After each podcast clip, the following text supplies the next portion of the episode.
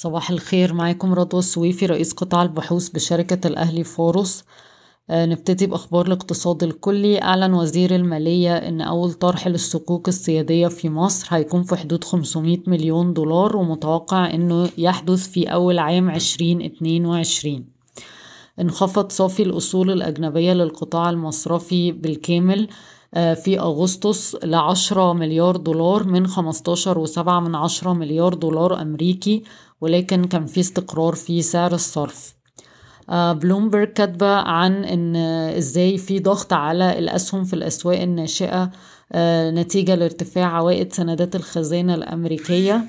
آه، ولكن برضو ذكرت أن مصر تعتبر وضعها أحسن بكتير من الأسواق الناشئة بسبب الاحتياطات الأجنبية والاقتصاد سريع النمو والتحول إلى أجال استحقاق طويلة بالنسبة للديون على مدى السنوات الأخيرة. آه، في خبر الحقيقة إن Telecom Egypt بتسعى للحصول على تمويل بقيمة 500 مليون دولار من اتحاد بنوك دولية. ولما اتكلمنا مع الشركة قالوا إن ده جزء من إعادة الهيكلة المعتاد لأجال استحقاق الديون. آه لن يسمح للجهات الحكومية بدفع مستحقات الموردين والمقاولين قبل تقديم دليل على آه الوفاء بمستحقاتهم بالنسبة لمدفوعات التأمين والإقرارات الضريبية وضريبة القيمة المضافة.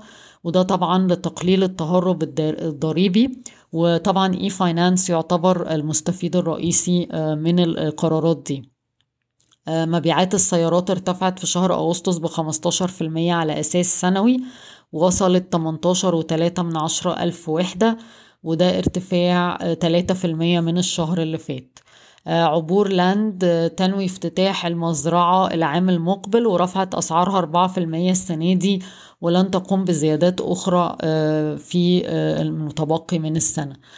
طلعت مصطفى بتدرس التوسع في المملكة العربية السعودية والعراق. آه، المجلس التصديري لمواد البناء بيجدد مطالبات بتوصيل الغاز لمصانع الأسمنت نتيجة لارتفاع أسعار الفحم عالميا ونقص المعروض منه. اي دي اتش افتتحت الفرع الثالث للبرج سكان وبتخطط لافتتاح آه، فرعين جداد العام المقبل. احتمال يبقى في قرار آه بالنسبة لصفقة الاستحواذ على الإسكندرية للخدمات الطبية خلال أيام. بشكركم ويوم سعيد.